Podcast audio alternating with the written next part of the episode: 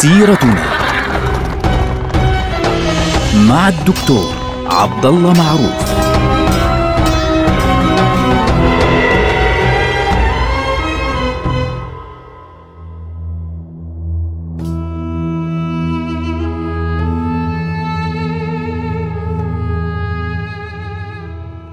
السلام عليكم ورحمة الله وبركاته. سيرتنا سيرة هذه الأمة العظيمة.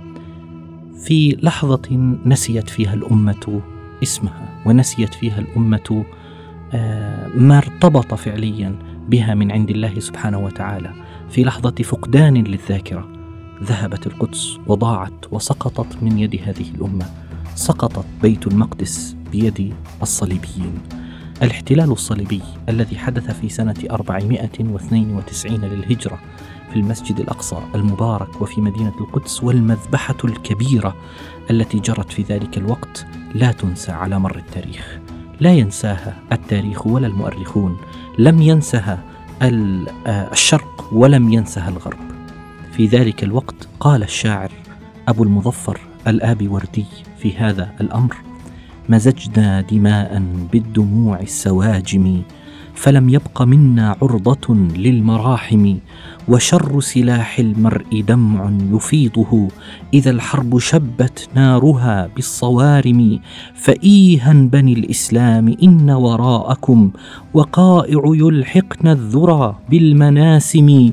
أتهويمة في ظل أمن وغبطة وعيش كنوار الخميلة ناعم؟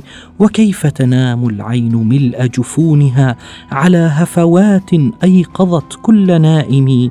وإخوانكم بالشام يضحي مقيلهم ظهور المذاكي أو بطون القشاعم. هذا الشعر من أشهر ما قيل في هذه المرحلة الصعبة التي مرت بها الأمة. لماذا؟ لأن المستنفرين وردوا إلى بغداد وأفطر الناس من شدة الأمر وصعوبته في رمضان ولكن عندما أرسل الخليفة في ذلك الوقت خليفة بغداد إلى كل مكان يدعوهم إلى الانتصار لأهل الشام والانتصار لبيت المقدس اختلفوا فيما بينهم. السلاطين السلاجقه صار كل واحد منهم يخشى من صديقه ومن أخيه ومن رفيقه ومن ابن عمه أن والله يعني يريد هذا أن يأخذ ملكي بحجة قتال الفرنجة. فتمكنت الفرنج من البلاد. وتمكن الصليبيون من تأسيس عدة إمارات في بلاد الشام. أول رد فعل فعليا في هذا الأمر كما ذكرناه كان واضحا في آه، بلاد المشرق خاصة في بغداد بأنه والله استنفار وغيره لكن يعني تمكن الفرنج بسبب الخلافات الداخلية ولكن في منطقة المغرب لا ننسى أنه مدينة القدس ذكرنا في الحلقة الماضية أنه في ذلك الوقت كانت مدينة القدس تحت يد الفاطميين وكان أمير القدس في ذلك الوقت افتخار الدولة قد طلب من الفرنجة آه، إذنا بأن يغادر مدينة القدس هو وحاشيته فأعطوه إذنا بعد ثلاثة أيام من اقتحام المدينة فترك المدينة لمصيرها. أسبوع كامل والمسلمون يقتلون في مدينة القدس وافتخار الدولة خرج وتركها لمصيرها وعاد إلى مصر. الخبر عندما وصل في ذلك الوقت إلى الأفضل ابن بدر الجمالي وزير مصر في ذلك الوقت أرسل رسالة إلى جودفري. وتانكرد يعنفهما. يعني والله إنه أنا أستنكر وأنا أحتج سبحان الله كأنه إحنا بنحكي عن عن فترة من هذه الأيام. بدأ يستنكر ويرفض ويقول يعني سنفعل وسنأتي وسن يعني عليكم بأن تغادروا وإحنا بنعطيكم أمر بأنه تغادرون وإلى آخره. فبالتالي آه الفرنجة تحركوا مباشرة باتجاه مصر. مباشرة الأفضل جمع العساكر. وسار باتجاه عسقلان في جيش. وأرسل في ذلك الوقت كما قلنا إلى الفرنجة ينكر عليهم يعني بهددهم. فمباشرة أرسلوا آه، رسوله أعادوه إليه وقالوا له تعال إن كنت تجرؤ. ففعلا تحركوا باتجاهه والتقى الطرفان عند عسقلان. بعد أن وصل رسول آه الأفضل عائدا إليه من عند الفرنجة إذا بالفرنجة وراءه مباشرة. فطلعوا على المصريين. فبالتالي فوجئ المصريون في ذلك الوقت. طبعا عندما نقول المصريون يعني نقصد الفاطميون وجيوشهم. فوجئوا من وصولهم. وفوجئوا من حركتهم ولم يكونوا متجهزين أصلا للقتال. فمباشره لبسوا الأسلحة وركبوا الخيول فهاجمهم الفرنجة.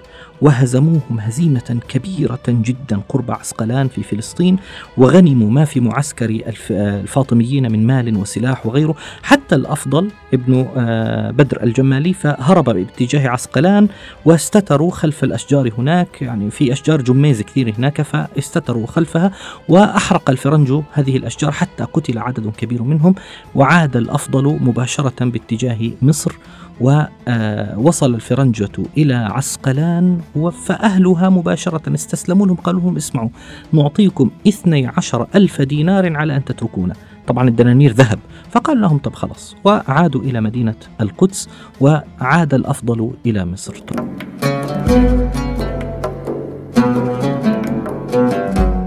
طبعا في ذلك الوقت واحد من الشعراء المسيحيين الذين كانوا يمشون مع هذا الجيش مع جيش الفرنجة. قال في هذه الأحداث يقول آه للصنجيل الصنجيل طبعا اللي هو أحد القادة الكبار الصنجيل هذا آه لقب وليس اسما. آه لأحد الفرنجة يقول له نصرت بسيفك دين المسيح.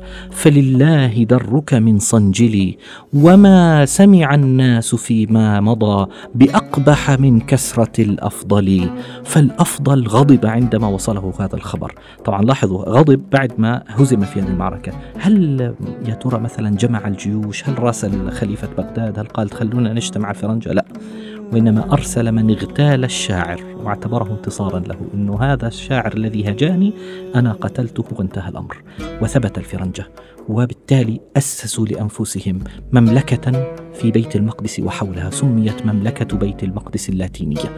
وهناك في الشمال كان لهم إمارة آه، طرابلس كونتية. في آه، عاصمتها طرابلس لبنان وكونتية آه، الرها وإمارة أنطاكيا. اللي هي عاصمتها أنطاكيا الموجودة اليوم في تركيا وأخيرا إمارة الرها في الشمال. الرها طبعا اللي هي اليوم اسمها شانلي أورفا موجودة في تركيا. طبعا هذه سيكون لها دور كبير عند المسلمين في أول انتصار عظيم للمسلمين على الفرنجة لاحقا. الذي يهمنا هنا أنه عندنا ثلاث إمارات إضافة إلى مملكة بيت المقدس ولم تكن حتى مدينة القدس على فكرة كانت فارغة في ذلك الوقت فرغت من الناس لأن الفرنجة كثير منهم جاء ودخل المدينة وبعضهم صار يعني خلص يغادر ويعود إلى بلاده ولم يعد هناك أحد. المسلمين قتلوهم اليهود أحرقوهم المسيحيون الأرثوذكس أخرجوهم ثم أعادوهم مرة أخرى تحت ضغط الإمبراطور البيزنطي وأسسوا هناك لأنفسهم مجتمعا داخليا في هذه البقعة. فبالتالي تأسست هذه الأماكن وتأسست هذه الممالك ولم يعد هناك فعليا مسلمون موجودون في مدينة القدس. طيب المسجد الأقصى ماذا حل به؟ المسجد الأقصى في ذلك الوقت يعني تم تقطيع أوصاله المباركة. منع الأذان فيه طبعا لا يوجد مسلمون. قبة الصخرة المشرفة في داخل المسجد الأقصى حولت إلى كنيسة وسميت معبد الرب بيت الرب أو معبد الرب ونشروا فيها صور المسيح عليه الصلاة والسلام ورفعوا صليبا ضخما كبيرا من الذهب يعني مغطى بالذهب فوق آه، قبة الصخرة.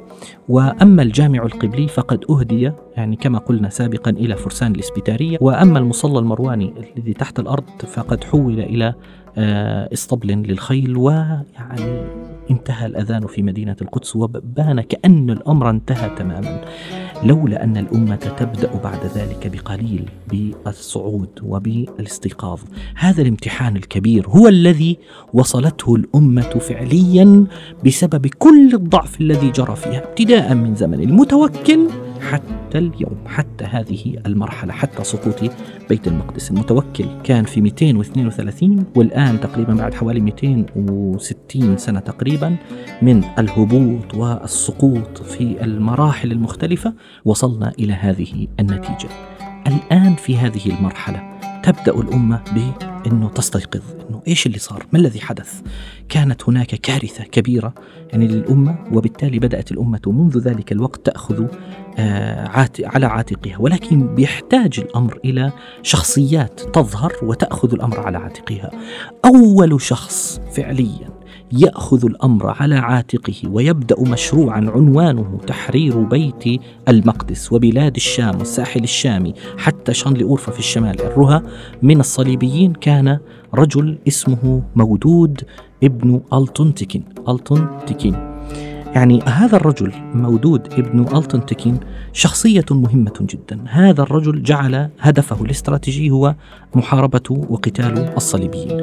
كان مكانه يعني موضعه هو أحد الأتابكة إحنا ذكرنا موضوع الأتابكة سابقا أنه هو الأمير الوالد يعني هؤلاء الحكام في هذه البقاع. كان مسؤولا عن مدينة الموصل. مدينة الموصل في العراق.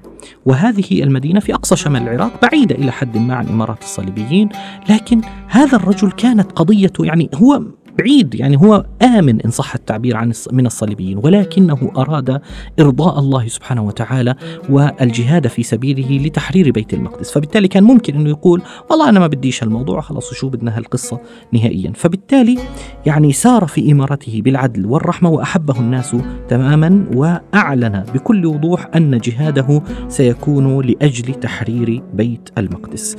رأى مودود أن الطريقة الأساسية لتحرير بيت المقدس يعني منذ البداية هي تكوين الحلف الإسلامي التنظيم الإسلامي لأنه واضح أن المسلمين بسبب انشغال الحكام في صراعاتهم الداخلية ترك الأمر فعليا للصليبيين وانتهى الأمر.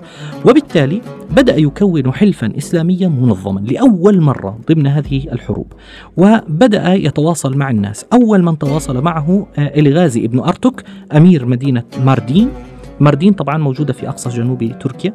وهذا الرجل أيضا كان معه رجل آخر اسمه سقمان القطبي أمير منطقة خلاط وتبريز وأرسل إلى أمير دمشق اللي هو ظاهر الدين طغتكين طغتكين يعني يعني هكذا يلفظ بالعربية طغتكين فهذا الرجل كان يعني أو هؤلاء المجموعة كان عندهم بعض الميول ضد الصليبيين وأقنعهم آه، مودود بأنه يجب أن نجتمع جميعا آه، ونتحرك باتجاه بيت المقدس ونخرج هؤلاء الفرنجة من هذه المنطقة. وتحركوا بالفعل من الموصل في سنة 503 للهجرة في شهر شوال ووصلوا إلى منطقة الرها هي أقرب المدن فعليا وأقرب الإمارات إلى الموصل.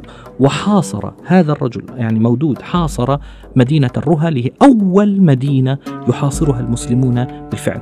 فامير الرها اللي هو لسه أمير جديد بقول يا هادي يعني اللي هو بالدوين دي بورغ. هذا الرجل أرسل مباشرة إلى ملك القدس اللي هو بالدوين الأول أرسل إليه يقول له أرسل يعني أنقذني. وكان يحمل الرسالة رجل اسمه جوسلين دي كورتيني اللي هو أمير منطقة تلباشر ذهب باتجاه القدس وطلب منه العون على مودود.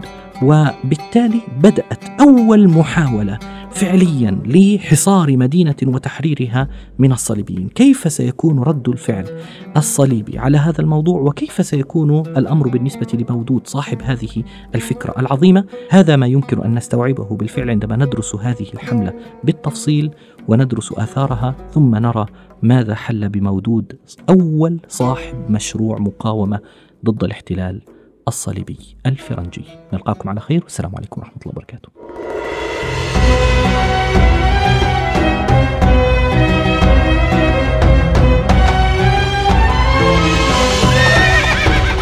سيرتنا مع الدكتور عبد الله معروف.